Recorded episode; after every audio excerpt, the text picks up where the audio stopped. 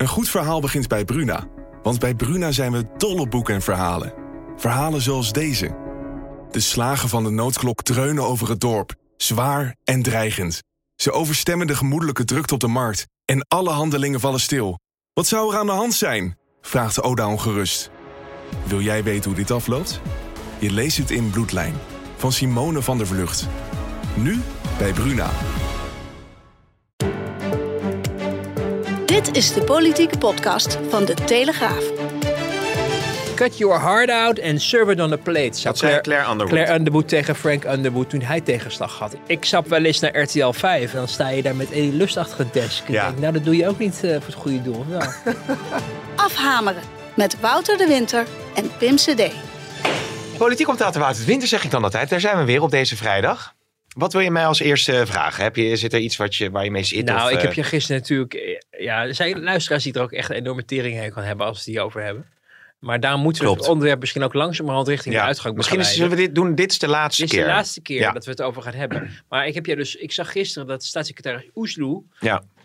inderdaad een bezoek bracht aan Aladdin de Musical. Ja, Ja, ja nou, en, en dus eerder dan ik. met, mijn moeder en de kleinkinderen. aparte aandacht voor, eh, voor de geest. Ja. Die dan door eh, Stanley Burleson of zo gespeeld Ja. wordt. Hè? Ja, je moet hebt eigenlijk twee musical acteurs in Nederland. Het is Stanley Burleson en Simone Kleinsma. En die doen in tourbeurt doen ze alle Ja, musicals. Beel van Dijk. Nee, die zong het Wilhelmus vroeger. Bij, Oh, eh, nou, ik ben ooit een keer vroeger naar Cyrano de Bergerac geweest als kind. Zo, Ja. dat was in de bange jaren Dat 40, was, mijn, dat was 45. mijn eerste musical in mijn, eh, in mijn leven. En toen had hij zo'n hele grote eh, neus, hè.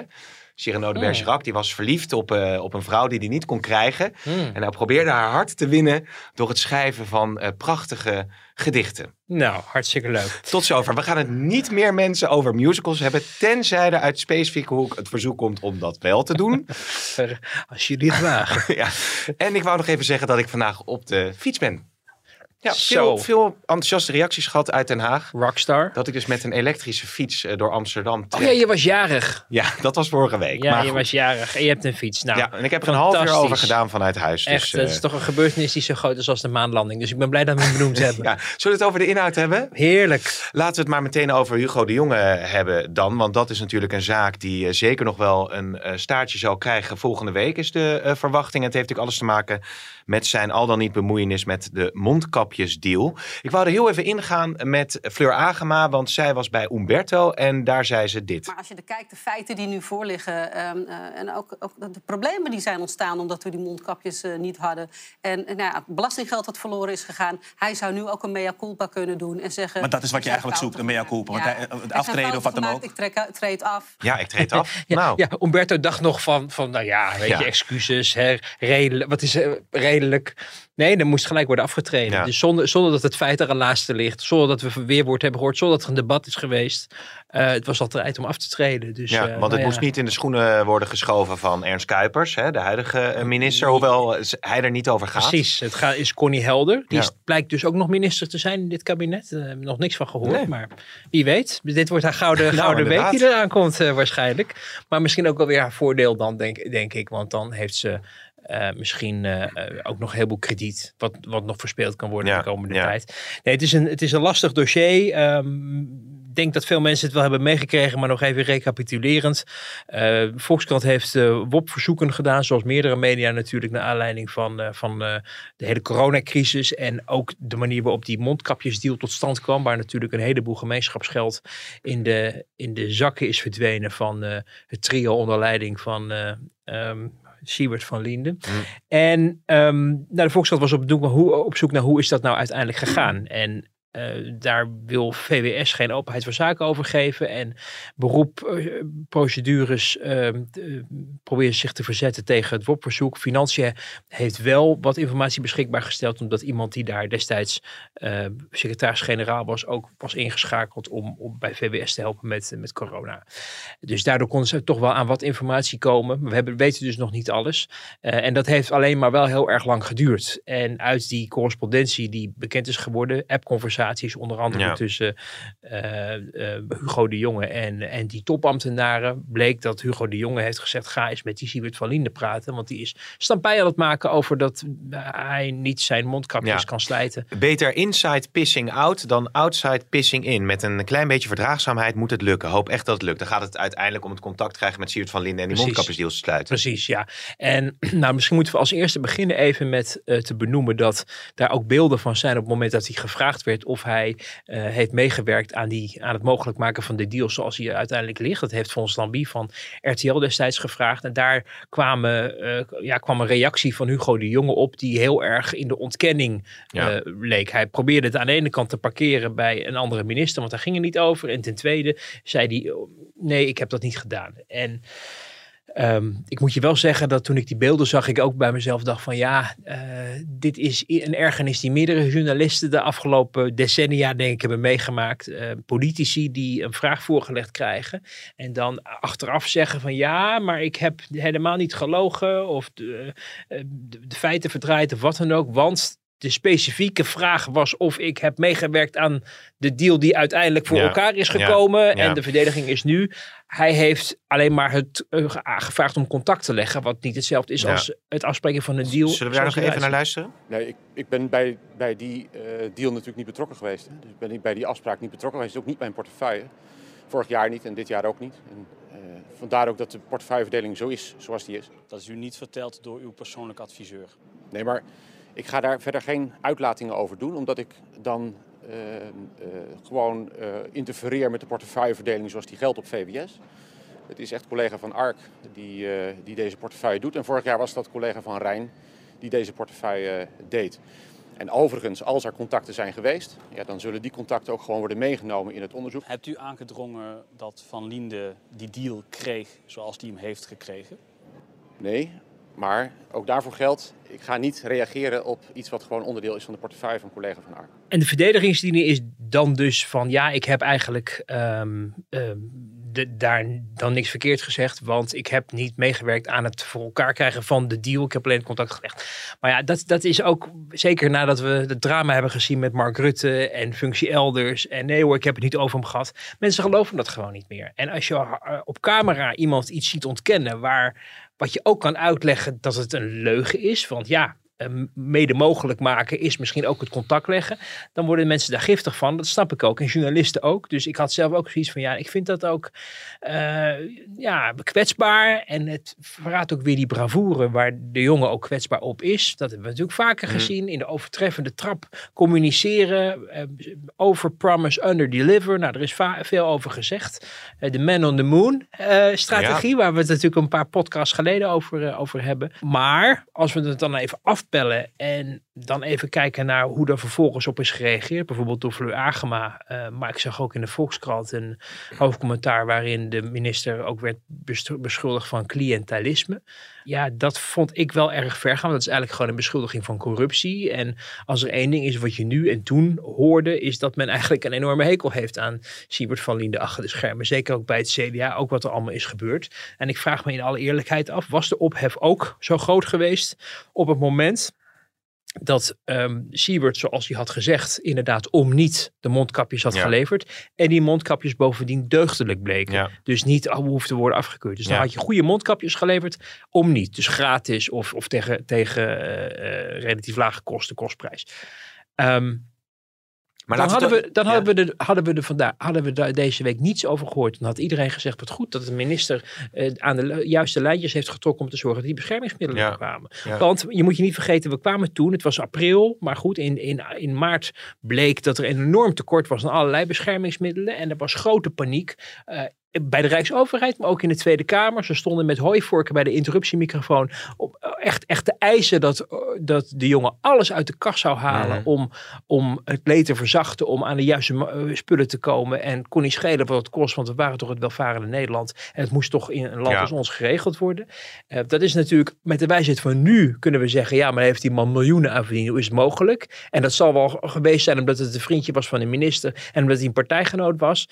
Maar als dit allemaal was gegaan zoals het destijds is voorgespiegeld, dan hadden we er denk ik niet zoveel commotie over gehoord. Nee, dus jij vindt die ophef van, eh, van Tweede Kamerleden een beetje te ver gaan? Of, of, of, of ja, ik zit Nou, we hebben, heel nog niet, we ja. hebben niet, he- nog niet alle, alle feiten boven tafel. Er loopt natuurlijk nog een WOP-verzoek met VWS-informatie die er nog steeds niet is. Ik kan me dus ook wel voorstellen dat de Volkskrant ook wel geïrriteerd is daarover. Want die proberen eh, de, de waarheid boven tafel te krijgen. En die hebben het idee dat ze heel erg worden tegengewerkt. Nou, dan krijg je als journalist word je er natuurlijk heel erg door geïnspireerd om het dan nou, bij kans nog harder in te gaan. En dan worden misschien ook wat grote woorden ge- eh, gebruikt.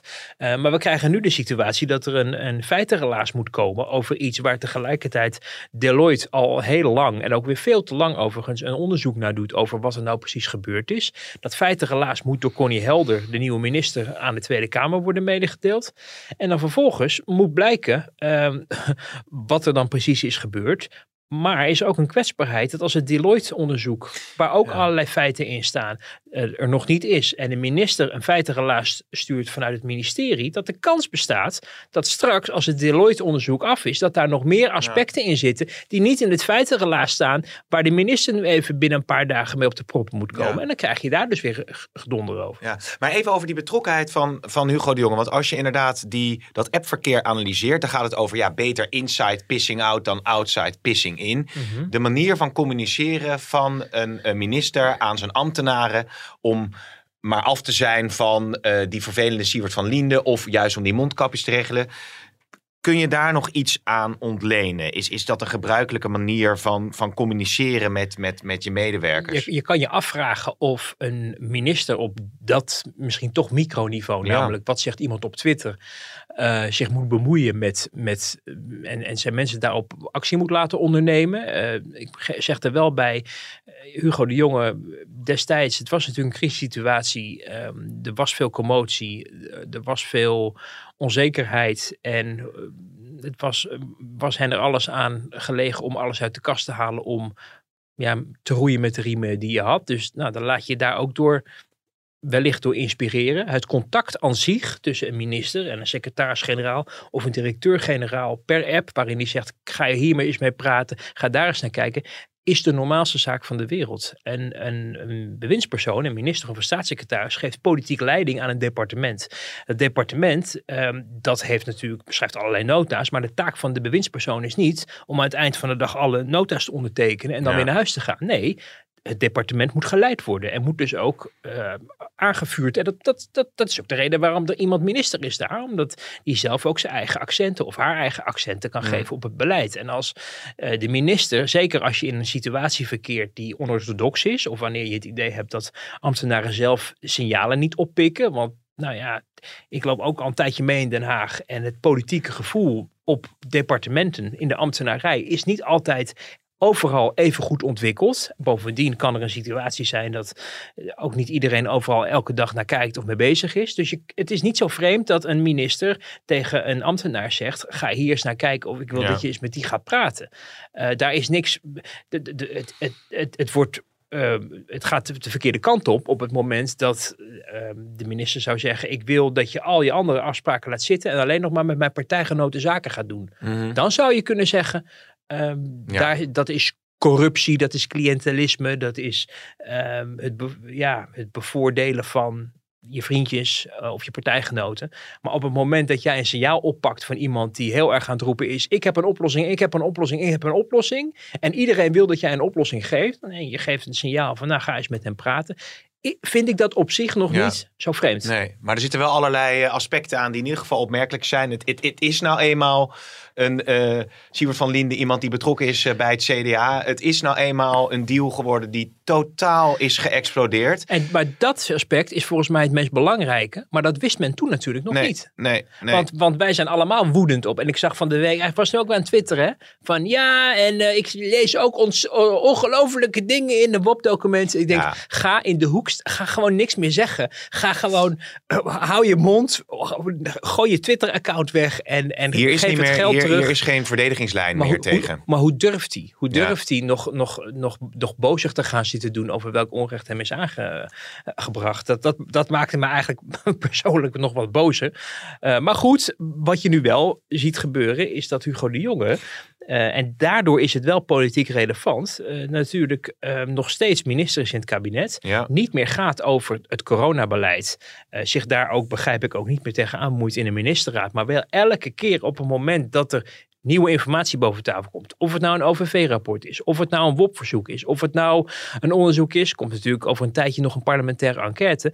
Uh, elke keer zal er naar hem gekeken Ja. worden. En, en dat is wel een blok Ja. aan het been voor hem en ook voor het kabinet. Want hij blijft daardoor eh, terecht of onterecht wel de kop van Jut. Maar is het dan wel een goede keuze geweest om hem te laten terugkeren als eh, minister? Misschien eh, begrijpelijk vanwege al zijn inzet voor eh, die Mhm. coronacrisis. Maar dit had je misschien ook wel kunnen voorzien. Want dat er nog onderzoeken zouden komen, dat journalisten zouden gaan graven wat er allemaal is gebeurd. En dat dat gevolgen zou hebben. eh, en, en misschien vragen richting ook eh, Hugo de Jonge. Ja, dat is natuurlijk niet geheel onverwacht. Nee, eh, en dat is denk ik iets waar men in het CDA ook niet heel erg over na heeft gedacht destijds. Er was wel vooral het idee van, nou, de man heeft verantwoordelijkheid genomen. En niet alleen voor het coronabeleid, later ook om de partij te leiden. Nou, dat heeft een paar maanden geduurd en toen hield het weer op. Maar er was, er was wel iets van, we moeten wel hem, we moeten hem niet bij het grof vuil zetten. En in alle eerlijkheid, bedoel, er zijn dingen niet goed gegaan. Er zijn ook dingen misschien wel goed gegaan. En uiteindelijk moet iemand natuurlijk over het hele plaatje worden afgerekend. Niet over het appje aan Siebert van Liende. Terwijl hij tegelijkertijd bezig was om weet vaccins te regelen, prikstrategieën, weet ik veel wat allemaal. Uh, dus je moet er eigenlijk een, een, een algehele evaluatie van Ja. maken. En dan de balans opmaken. Nou, dat, dat gebeurt al bij de OVV. Die heeft laatst het eerste rapport. Er komen nog twee rapporten aan. Wat gaan we eigenlijk doen als Hugo de Jonge volgende week opstapt? En dan komen nog allemaal rapporten en onderzoeken en zo. Ja, de, de minister is al weg. En, eh, dus, dus het is eigenlijk zou je moeten afwachten tot je het hele plaatje rond hebt. Alleen de vraag is, hoe lang gaat het duren? Waarschijnlijk jaren. En tot die tijd is het elke keer weer, ja, Hugo de Jong heeft verkeerd Ja, gedaan. maar het is allemaal dus heel kwetsbaar. Ja. En tegelijkertijd zit je met dat nieuwe elan en de nieuwe bestuurscultuur. En blijf je ook nog een beetje met dat gevoel zitten van het vorige kabinet. Eh, Dus ja, Ja, het is in ieder geval een aspect waar ik denk men niet, niet voldoende rekening mee heeft gehouden. Men heeft natuurlijk wel rekening gehouden dat er een, een afrekening komt over de coronacrisis. In de vorm van een parlementaire enquête. Maar al die tussenstappen, Hm. eh, die, die zullen ehm, nog heel vaak ehm, de actualiteit halen en het nieuws halen. En dus ook eh, Hugo de Jonge voor de voeten ge- geworpen worden. En de vraag is, blijft hij zwijgen? Of gaat hij op een gegeven moment toch ehm, reageren? En in hoeverre maakt hij het dan zijn opvolgers eh, Ja. lastig? Want Ja. wat hij ook gedaan heeft destijds, is nu is staatsrechtelijk niet meer zijn Nee. verantwoordelijkheid. Nee. Het is de verantwoordelijkheid van Connie Helder, als het hierover gaat, en op andere onderdelen eh, minister Kuipers van D66. ja, want ze willen hem naar de Tweede Kamer eh, halen. Volgens mij, hè, de, de oppositie in elk geval. Eh, dus komt daar dan een debat waar hij dan eventueel aanschuift? Is dat, jou, is dat jouw Ja, dat, verwachting? dat, dat, dat zou kunnen. Eh, ik, ik denk dat het kabinet heel graag eerst dat Deloitte-onderzoek wil afwachten, zodat men een- over een compleet eh, verhaal kan, kan debatteren. Wat wel zou helpen, denk ik, is als Hugo de Jonge zich van tevoren wel goed voor, moet voornemen dat hij niet op zijn eigen mo- mo- moraalpaard moet, moet Ja. blijven zitten, maar ook begrip moet hebben voor het sentiment in de samenleving, maar ook in de Tweede Kamer. Want uiteindelijk gaat hij niet over zijn baan met de Tweede Kamer. En moet hij ook die Tweede Kamer niet met bravoure en arrogantie tegemoet treden, maar proberen nederig het uit te leggen. Ja. Je ook, al, ook al heb je het idee dat je gelijk hebt, je moet. I mean, wat zei Claire Underwood ook weer tegen. We krijgen hier gewoon, gewoon Ja, gewoon. van Wouter. ja, eh. ja, maar ja, ja. dit is hoe, hoe dat moet. En dit is waar het om, waarom het Ja. zo vaak misgaat. Waarom iedereen er ook zo'n hekel aan heeft als ze hem in die beelden dan meer zien. Ze denken, ja, hij, hij loopt de boel te beduvelen. Cut, cut your heart out and, and serve it on a plate. Zou Claire, Claire Underwood. Claire Underwood tegen Frank Underwood toen hij tegenslag had in, in House of Cards. En dat is wat er ook moet gebeuren. Dan moet, we moeten een beetje af van, dat, van het idee van ik heb allemaal altijd gelijk. Wat, je, je verliest het sowieso in de beeldvorming. En die beeldvorming, ja, daar is de Tweede Kamer ook niet vies van. Dus je moet met een goed verhaal komen, maar je moet ook begrip tonen voor het feit dat mensen Ja. hier boos over zijn. En het idee hebben dat ze in de maling worden genomen. Ja, maar Wouter, je, je, eventjes eh, speculatief, hè, maar je kunt toch niet een, een motie van wantrouwen eh, indienen eh, tegen een minister van Wonen over wat hij als... ja? Ja, natuurlijk kan ja, alles kan. Alles kan. Maar, maar hij is er uh, staatsrechtelijk niet voor verantwoordelijk, nee, toch? Nee, dat klopt. Maar je, je, je bedoel, je minister heeft het vertrouwen, ook al heeft hij een verkeerde das om. Als de Kamer besluit, uh, wij houden niet van een groene das, we willen hem oranje hebben. Dan kunnen ze hem daarom naar huis sturen. Ja. hè, je zegt het vertrouwen en het maakt in feite niet zoveel uit waarover. Behoorlijk is het natuurlijk niet. Uh, het argument wat je wel nu uh, bijvoorbeeld ook vanuit de PVV geventileerd hoorde worden, dat ze zich zorgen maken. Uh, dat was laatst volgens mij in een portret had Agema dat al gezegd ergens. Dat zich zorgen maakt. Of stond gewoon in de krant, het zou kunnen. Dat, je, dat, dat de manier, de modus operandi, de manier waarop hij ook met bravoure en, mm -hmm. en um, overtuigd van zijn eigen gelijk, ook gaat opereren in het aanpakken van de wooncrisis. Ja. En dat, ja, daar valt ook een heleboel zwaar werk te verzetten. En als je er geen vertrouwen hebt dat iemand dat goed tot een goed einde kan brengen, dan kan je om die reden ook natuurlijk zeggen van uh, liever niet. Ach, dit worden nog uh, politiek uh, spannende tijden. Dat staat in elk geval wel vast. En geld is niet gratis. Wouter. Dat klopt. Dat, dat wou ik maar even zeggen. En het dat stinkt ook niet trouwens. Nee, maar, dat is maar daar weet je alles van natuurlijk. nou, hoezo? Nou ja, uh, ik Omdat weet de niet. kaartjes ik, voor... Oh, ik mag het niet zeggen. Ik stap wel eens naar RTL 5 en dan, dan, ben je, dan sta je daar met Eddie Lust achter een desk. Ja. Ik denk, nou, dat doe je ook niet uh, voor het goede doel. Nou. nou goed, ik zal er maar wijselijk over uh, mijn mond houden. Nee, ik wou vooral niet reageren uh, daarop. Maar, um, maar we hadden het over geld. We hadden het over geld en we hadden het over het feit dat het leek alsof het gratis was. Ja. Um, maar dat afgelopen woensdag volgens mij bij ons in de krant er toch een, uh, of donderdag, donderdag. een uh, verhaal stond dat er nu toch wordt gerealiseerd en ja. ook wordt gekeken waar er eventueel gesneden moet worden. Ja. Om al die uitgaven mogelijk te maken. Ja, er staat Nederland wat dat betreft staat een, een, een, een sombere boodschap te wachten vanuit het kabinet. Uh, er is een beetje het idee ontstaan vanwege de coronacrisis dat de bomen tot in de hemel groeiden. Dat er geld zat is, want het ging economisch toch zo goed. En de economie is eigenlijk kunstmatig in leven gehouden. Allerlei bedrijven zijn, zijn overeind gehouden door een heleboel gemeenschapsgeld te steken in uh, ja, het, het, overeind houden van bedrijven en het aan het werk houden vooral van mensen. Uh, dat is op zich natuurlijk ook een logisch en een nobel streven geweest vanwege de coronacrisis. Dat mensen ook geen keuze hadden. Ze mochten hun bedrijf niet open doen. Ze mochten geen geld verdienen van de overheid. Dus het is logisch dat er iets tegenover staat. Alleen dat heeft een heleboel geld gekost.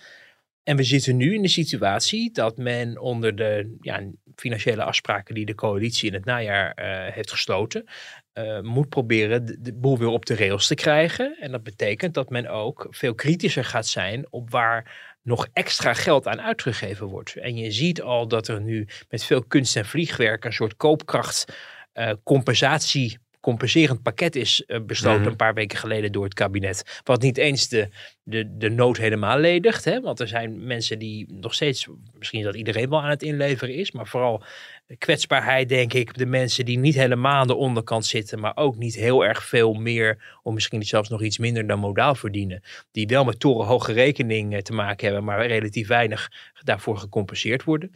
Uh, en daardoor ook moeten interen op hun, op hun, op hun spaargeld bijvoorbeeld. Um, dus daar zag je al de eerste tekenen van. Maar dan gaat de komende tijd met het hele wensenlijstje van er moet meer geld naar defensie. En er moet een oplossing gevonden worden voor het financiële gat voor de vermogensbelasting waar de Hoge Raad uitspraak over heeft gedaan. En er moet, wat de Eerste Kamer wil, een koppeling gemaakt worden tussen het stijgen van het minimumloon en het stijgen van de AOW. Oftewel de AOW moet hmm. omhoog. Structureel geld. Dat, dat is heel ingewikkeld. Dat is niet even eenmalig. Nee, dat moet je structureel daar naartoe schuiven. Waar ga je dat geld vandaan halen? Je kan niet eeuwig alles maar uit de staatsschuld. Uh, je kan niet geld blijven lenen. Dat Nee. wordt alleen maar hoger. Het mag ook officieel natuurlijk niet. Dus je moet kritischer gaan kijken naar waar je geld voor vrijmaakt. En dat betekent dat er nu een, een, een, ja, een, een pakket op tafel ligt waar men dus uit moet kiezen. Maar misschien moet men eigenlijk wel van alles een beetje doen om richting de voorjaarsnota, dus wanneer de financiële afspraken van dit jaar uh, ja, worden afgehamerd, zullen we maar zeggen, maar ook een blik wordt geworpen op het komende jaar, dat je een aantal pijnlijke keuzes moet gaan maken, die, uh, nou ja, uh, zullen betekenen dat je misschien geld wat je al hebt vrijgemaakt voor bepaalde zaken, Hmm. daar niet meer aan uit gaat Ja, en dan wordt het interessant natuurlijk, eh, politiek gezien binnen de coalitie. Want ik kan me voorstellen dat er bepaalde potjes zijn Waar bijvoorbeeld D66 echt wil, nou hier blijven we dus vanaf. Nou dan gaat het dus om het klimaat, om onderwijs. Ja, het klimaatfonds, er werd, uh, wordt wel gefluisterd dat dat het einde van het kabinet kan betekenen als, uh, als er uit het klimaatfonds geld moet komen, als de rest van de coalitie dat wil. Ehm, er wordt gesproken over dat er het geld wat extra was toegevoegd aan het investeringsfonds, het Wopke Wiebesfonds, ja. wat bedoeld is om de economie duurzaam te ondersteunen en te ontwikkelen, te ontwikkelen en, en aan te jagen om daar dat extra geld daar weer toch maar even niet naartoe te sturen, omdat het ook niet onmiddellijk besteed kan worden uh, en anders in feite ook maar op de plank ligt. En dat kan je dan misschien beter inrichten voor zaken waar je nu behoefte Mhm. aan hebt. Maar er wordt bijvoorbeeld ook gesproken over uh, het wellicht verhogen van de belastingen. Ja, En daar is de VVD natuurlijk weer dat is absoluut de niet blij mee. Nou, en ik denk misschien ook wel meer partijen, want Ja, het CDA belastingverhogingen ja, is, is, een, is, is pijnlijk natuurlijk. Ehm, nou, je, je- er zijn allerlei, je, zou kunnen kijken naar het het verhogen van lasten voor het bedrijfsleven. Het grote bedrijfsleven, maar ook ondernemers, dus Hmm. het kleinere eh, belei- bedrijfsleven, eh, of met de BTW of wat dan ook. Kortom, eh, er moet ehm, geld ergens vandaan komen. En het zal mij benieuwen. Er is natuurlijk door Sigrid Kaag, de minister van Financiën, gezegd dat het helemaal niet nodig is om terug naar de tekentafel eh, te gaan. Maar er zijn dus meerdere mensen Ja. in het kabinet die daaraan twijfelen. Omdat je eigenlijk toch wel naar een fundame- fundamentele herziening moet gaan. Niet alleen be- beleidsmatig wellicht op een aantal punten, bijvoorbeeld defensie. eh, maar ook naar hoe ga je dat geld wat ja, ook de Eerste Kamer gewoon eist dat er moet komen. En zonder de Eerste Kamer gaat er niks wat het kabinet van plan is ehm, ehm, gerealiseerd worden. Dus je zal wat smeerolie moeten Hmm. eh, vrijmaken daarvoor. Smeergeld wil je in dit geval bijna zeggen. Maar, Ja. eh, maar, dat wordt dus heel ingewikkeld. En, en dat kan eigenlijk niet alleen maar voor op het bordje van de burger worden gelegd. Je kan niet nu besluiten, we gaan alleen maar de belastingen verhogen. Nee. En voor de rest gaan wij met onze eigen hobby's gewoon door. Ja. Je merkt in het kabinet dat men zich ook wel realiseert dat dat verhaal eigenlijk niet uit te leggen is. Maar als je het eh, verder eh, invult en gaat, eh, ja, dat is dan toch weer speculeren. Maar waar denk je dat dan uiteindelijk de pijn geleden moet gaan worden? Nou, ik denk over de hele linie. Hè. Ik heb, noemde al een aantal dingen. en Inge Lengton en Leon Brandsma hadden natuurlijk afgelopen donderdag een groot verhaal over op de voorpagina. Dus als mensen daar nog echt de precieze details van willen, willen nalezen, kan dat dus nog. Maar het gaat dus om, verwachten wij eigenlijk toch wel iets aan die fondsen eh, te doen. Ja, Eh, en ik denk ook dat je rekening moet houden met, met, eh, met belastingverhogingen. Ehm, en, en, en dat besef moet ook nog even op ministeries neerdalen.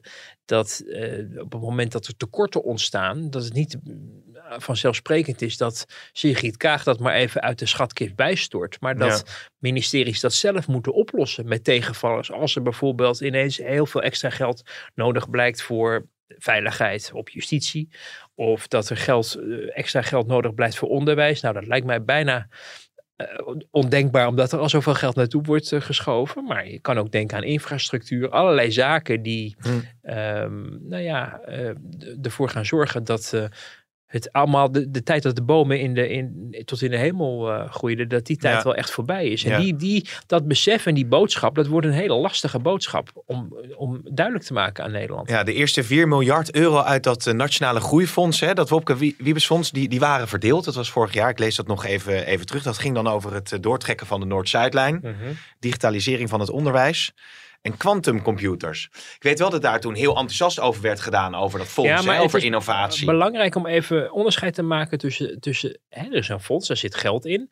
Eh, er is al wat geallockeerd, maar nog Ja. lang niet voldoende. Of nog lang niet alles. En er is vervolgens door het kabinet of de coalitie besloten om extra geld te storten, waardoor er dus nog meer projecten... daar bovenop komt en, nog meer. En, en, de, ja. en de vraag is dus of je dat extra geld nu moet gaan gebruiken. Hetzelfde geldt overigens, begrijp ik, voor extra geld voor defensie. Hè. Er wordt nu gezegd, we gaan naar de 2% toe. Ehm, dat is denk ik ook wel politieke streven. Alleen de vraag is op welke termijn. En wat gebeurt er als je ineens een paar honderden miljoenen of wat zal het zijn? Misschien wel 1, 2, misschien wel meer miljard naar defensie Ja. schuift. Ga je dan, als je dat vandaag doet, kan je dan morgen eh, alles doen met dat geld wat je wil doen. Ja. Nee, dat probleem Ja. zag je trouwens ook rond het onderwijs. Hè. In het vorige kabinet, toen men ineens had bedacht, we gaan allemaal geld, extra geld geven aan onderwijs om, om, om de coronacrisis eh, het hoofd te bieden. En dat het onderwijs zelf zei, we krijgen dat, niet, Ja. dat geld niet zo snel weggezet. We kunnen niet van de een op de andere dag een blik leraren opentrekken en mensen voor de klas zetten. Of conciërges of wat dan ook. En, en dat, dat, ja, wat ik dan maar noem een soort ingroeieffect. Ehm, dat zou ook nog enige financiële ruimte kunnen bieden. Dat je dus wel met elkaar afspreekt, Mm. we gaan die 2% halen, maar dat doen we dan, dan. Want er wordt ook wel gezegd in het kabinet, eh, Duitsland heeft gezegd 100 miljard eh, naar defensie, maar dat is ook niet morgen overgemaakt Nee, door de, nee, door nee. de Deutsche Bundesbank. Eh, of of hè, via het ministerie van Financiën. Maar dat zal ook nog wel echt wel wat tijd vergen. Ja. Dus wellicht op die manier kan je eh, dingen wat soepeler inplannen. Ja, of het nou een tekentafel is of niet. Er zal in ieder geval geschetst moeten worden. Of, of hoe je het ook eh, wil noemen. Het Ja. is voor, voor eh, Sigrid Kaag als minister van Financiën.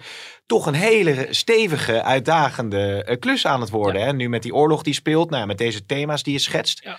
Zal ze de handen vol aan hebben. Zeker, Koopkracht. zeker. En je doet het overigens niet alleen hoor, want er wordt eh, in de vierhoek over gesproken. Hè, met dus met de, de, de minister van Sociale Zaken en eh, de minister van Economische Zaken.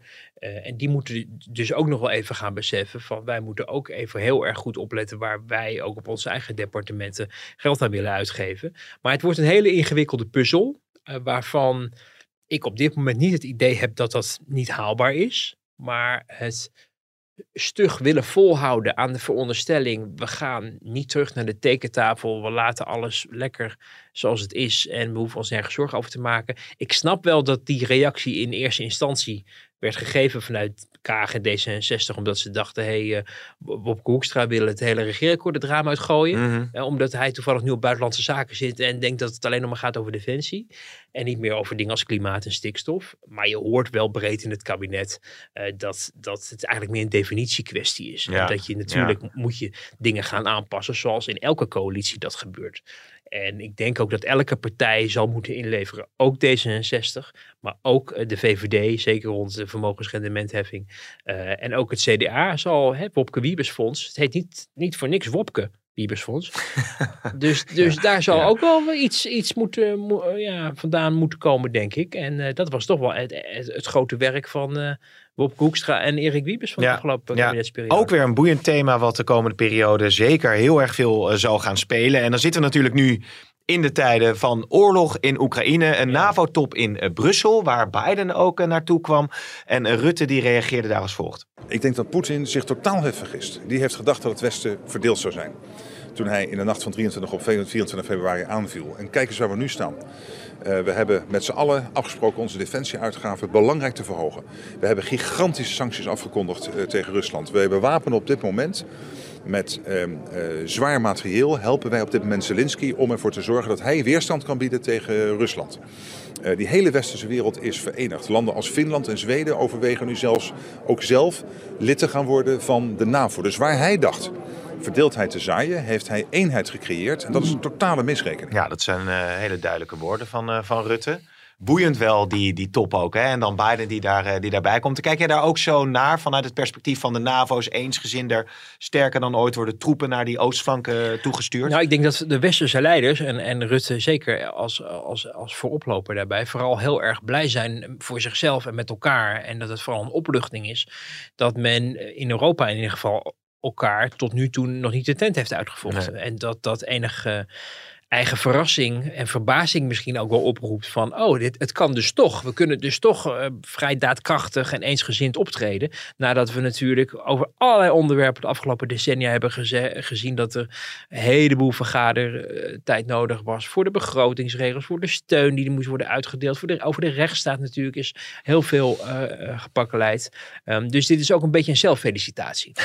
Ehm, en dat is, ja, nou ja, dat, dat, dat mag misschien ook wel, want het is waar dat inderdaad in dat westerse eigenlijk Europese en Noord-Amerikaanse blok, want dat zo wordt de westerse wereld uh, kennelijk uh, gedefinieerd. Um, ja, dat die eensgezindheid er is. Alleen de wereld is natuurlijk wel groter dan alleen Europa en Noord-Amerika. We hebben nog Afrika, we hebben nog Azië, we hebben nog Zuid-Amerika. En de vraag is natuurlijk ook wel of je kan, en dat zie je in de superlatieven natuurlijk ook wel voorbij komen, dat het met z'n allen tegen Rusland is. Maar de Russische invloedssfeer bijvoorbeeld in, in, uh, in Afrika en ook delen van Zuid-Amerika is uh, onaanzienlijk. En we zien natuurlijk dat er problemen gaan ontstaan rond voedsel en de voedselvoorziening. En dat dat problemen daar gewoon zal kunnen opleveren bij regeringen die nu nog geneigd zijn om of niet uh, zich te verzetten tegen de manier waarop het nu uh, richting Rusland gaat. Uh, of mensen die gewoon tegen zijn, dus die bijvoorbeeld ook tegen die resolutie stemden bij de VN om, om Rusland te veroordelen voor datgene wat ze doen.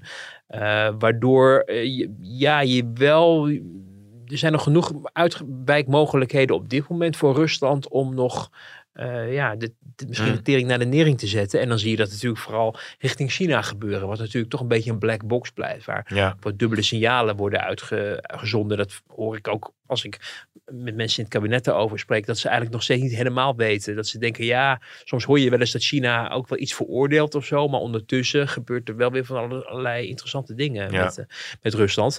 Um, dus, dus ja, ik zou de, dag niet willen prijzen voordat het avond is. Je weet ook niet hoe lang het stand houdt. Hè? Want nu is het allemaal nog in eenheid in Europa. Maar hoe lang gaat dit duren? En zitten we over drie, vier, vijf maanden nog steeds uh, met z'n allen het eens te zijn? Of wordt dan de vluchtelingenstromen een issue in bepaalde landen. Uh, het voedseltekort, uh, de hoge energierekeningen. Dus wat dat betreft goed dat het zomer wordt. Dan hebben we in ieder geval Ja. dat nog een beetje tijd voor gekocht. Maar Maar daar is Rutte ook wel zeer bezorgd over als het gaat over de harde sancties. Dat als het om de energievoorziening gaat in Europa, natuurlijk nog allerminst zeker is dat, eh, dat we onszelf kunnen bedruipen. Biden heeft geloof ik wel toegezegd hè, dat Ja. er ook leveranties vanuit Amerika 15 eh, miljard komen. kuub LNG eh, komt, eh, eh, hebben ze afgesproken. Eh, maar goed, dat, dat moet ook allemaal nog maar eens hier naartoe komen. En dat zal ook niet gratis zijn.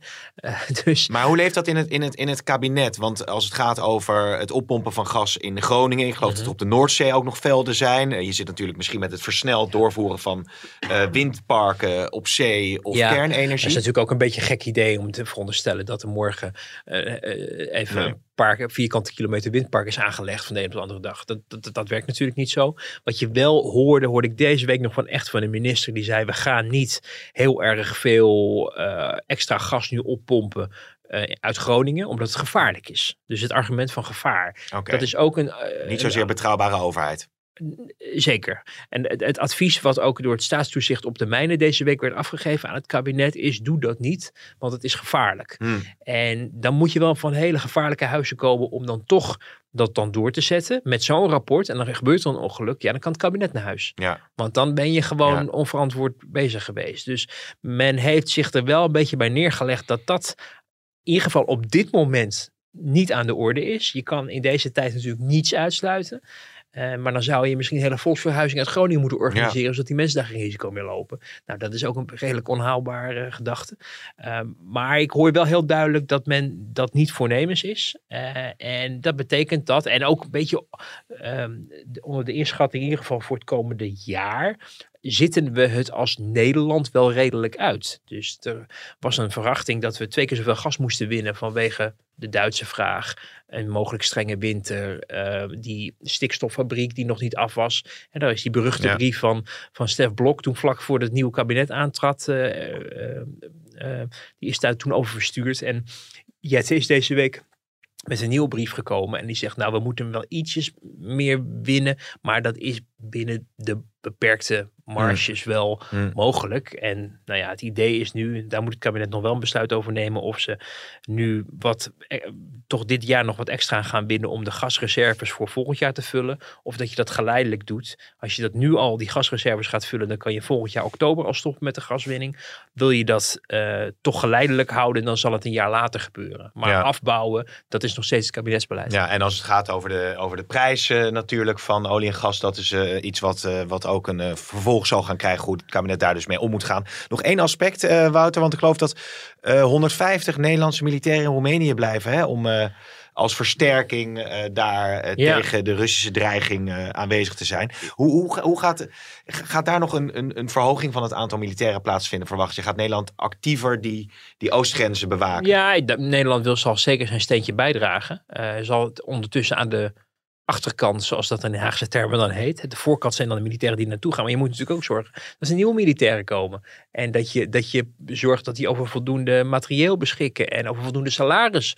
Waar bijvoorbeeld de minister van Defensie het een en ander over zei deze week. Dat dat, dat geld ook daarin moet worden gestoken. Omdat je inderdaad, zeker nu het gevaar dreigt. Mensen moeten natuurlijk ook wel enigszins ja, financieel enthousiast gemaakt worden om, Hmm. om, om die kant op te gaan. Want ik denk niet dat we bijvoorbeeld moeten uitsluiten dat die mensen daar geen risico meer lopen. Ook heel ondenkbeeldig. Ja. Hè? Dat we natuurlijk, eh, als je dat een jaar geleden had gevraagd. Maar ja, net als met de coronacrisis, soms kunnen er bijzondere dingen gebeuren in our lifetime.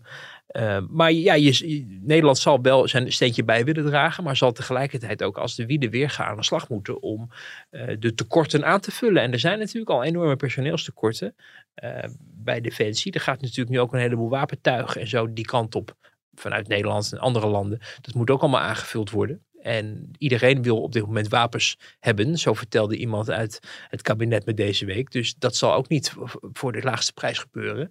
Eh, dus het wordt ook een kostbare aangelegenheid. Maar wel eentje waarvan het kabinet al heeft gezegd van we gaan nu vanwege deze internationale crisis gaan wij daar niet op beknibbelen. We Nee. leggen ons erbij neer dat dat eh, geld gaat kosten. En dat dat dus ook pijn zal doen. En zelfs eh, mensen die dan denken van ja, dan moeten misschien de belastingen maar omhoog. Omdat we daarmee onze veiligheid dan moeten betalen. Nou, dat is een op zich misschien niet heel onlogische gedachtegang. Maar niet eentje die natuurlijk, zoals Kaag het noemt, prijsvrij zal zijn. Nee, Dat zullen nee. mensen merken. Het is duidelijk, Wouter. Hebben we alles zo eh, besproken? Want eh, volgende week wordt weer een nieuwe enerverende politieke week, lijkt me zo.